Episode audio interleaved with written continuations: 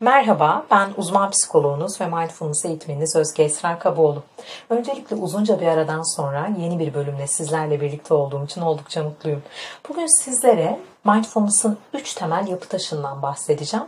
Ancak bunları tanımlamadan önce gelin 1994 yılında John Kabat-Zinn'in yaptığı mindfulness tanımına bir kulak verelim ve buradan yola çıkarak nasıl bir e, bileşen tanımlaması yapılmış bunlara gel- gelelim birlikte buralara bakalım.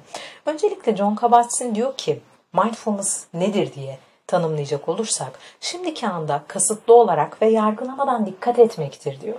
Farkındaysanız bu tanımın içerisinde vurgulanan birkaç nokta var. Bunlardan bir tanesi dikkat etme. Bir diğeri e, şimdiki anda bunu yapma ve elbette kasıtlı olarak ve yargılamadan e, bunları yapmak. Şimdi Shapiro ve arkadaşları da bu tanımdan da ilham alarak mindfulness'ın üç yapı taşını tanımlıyorlar. Bunlardan birincisi niyet. Kişinin neden mindfulness pratiği e, yaptığı bilgisi aslında bu niyette saklı. Yani ne niyetle buradayım, ne niyetle bunu yapıyorum, farkındalığa temas ederken ki niyetim nedir? Ee, bu da aslında kendimize sorduğumuz ve içsel olarak yanıtını bulduğumuz bir farkındalık pratiği değil mi? Hangi niyetle buradayım? Ve e, vurguladıkları önemli bir nokta da var. O da şu, niyet dinamik bir yapıdadır diyorlar. Mindfulness pratiğinin başındaki niyetimiz sürecin içerisinde değişebilir, dönüşebilir, farklı bir niyete de rastlayabiliriz. Daha önce farkında olmadığımız bir şeye de evrilebilir. Örneğin e, rahatlama arzusuyla ve bu niyetle yola çıktığımız bir egzersizin ilerleyen anlarda e, sadece fark etmek ya da o deneyimle birlikte orada olmak niyetine de dönüşebileceğinden söz edebiliriz. Bir diğer e, yapı taşı mindfulness'ın dikkattir. Bildiğiniz gibi az önce John Kabat-Zinn'in de tanımladığı gibi mindfulness pratiğinde dikkat etmek e, aslında hem içsel hem dışsal süreçlere dair olan bir kavram. Yani hem içimizde olan bitenler, duygular, düşüncelerimiz ve iç dünyamızda, e, elbette bedenimizde ve dışarıda olup bitenler, dış dünyada farkına vardığımız ve beş duyumuzla algıladığımız şeyler de mindfulness pratiğinde e, dikkati yönlendirdiğimiz alanlar olarak karşımıza çıkabiliyor. Ve Burada önemli olan şey içsel ve dışsal deneyimlerin iç, e, işleyişlerinin gözlemlenmesidir. Dikkati oraya yönlendirmek ve orada olup biteni farkına varmak sürecinden bahsederiz ya bizler mindfulness'ı anlatırken. Dolayısıyla dikkat e, bir diğer yapı taşıdır mindfulness'ın. Üçüncü yapı taşını da tutum olarak tanımlıyorlar ve dikkat edilen deneyimle kişinin nasıl e, karşı kişinin nasıl e, bu deneyimi karşıladığı ve e, ona nasıl katıldığı ile ilgili bir tanımlama bu. Elbette e, içsel ve dışsal deneyimlere ilgiyi sunmak, dikkati ona yönlendirmek oldukça önemli. Dolayısıyla açıklık ve meraktan söz ediyoruz.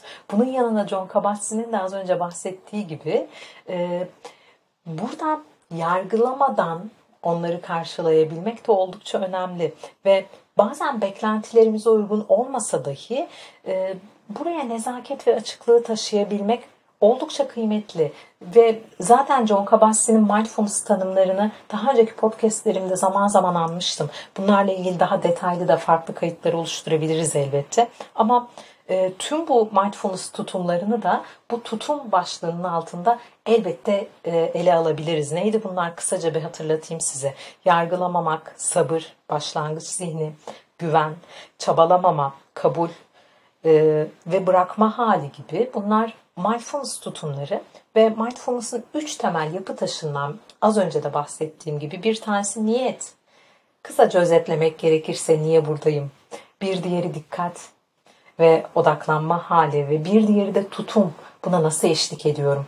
Şimdi e, elbette mindfulness meditasyon pratiğinde e, deneyimleyerek anlaşılabilecek bir şey ama hayatın içinde de mindful bir şekilde yaşamı deneyimlemeye fırsat vermek mümkün olabilir. Her zaman demiyorum bu imkansız bir şey e, ve aynı zamanda da e, insan zihni için mümkün olmayan bir beklenti olur. Ancak zaman zaman e, kendimize şu soruyu sormak, şu an niyetim ne? Ve dikkati yönlendirdiğimiz nesneyi seçmek, neyi fark ettiğimizi farkına varmak aslında. İçsel deneyimimizi ve dışsal uyaranları gözlemleyebilmeyi seçmek ve sonuç olarak onları nasıl karşıladığımızı, bu deneyimlerin bizde uyandırdığı içsel yaşantıyı ve e, karşılık verdiğimiz tutumu seçebilme gücünün elimizde bulunduğunu farkına varmak. Elbette bu da daha önceki kayıtlarda yine bahsettiğim gibi otomatik pilottan çıkıp aslında e, kasıtlı bir e, yanıtla e, duruma eşlik edebilmeyi, davranışımızı seçebilmeyi e, bizlere sağlayan bir beceri. Evet mindfulness'a dair böyle kısa bir ve temel bir bilgiyi sizlerle paylaşıp bu kaydı da sonlandıralım. Uzun bir aradan sonra eğer kulak verdiyseniz beni dinlediğiniz için teşekkür ederim. Kendinize iyi bakın. Hoşçakalın.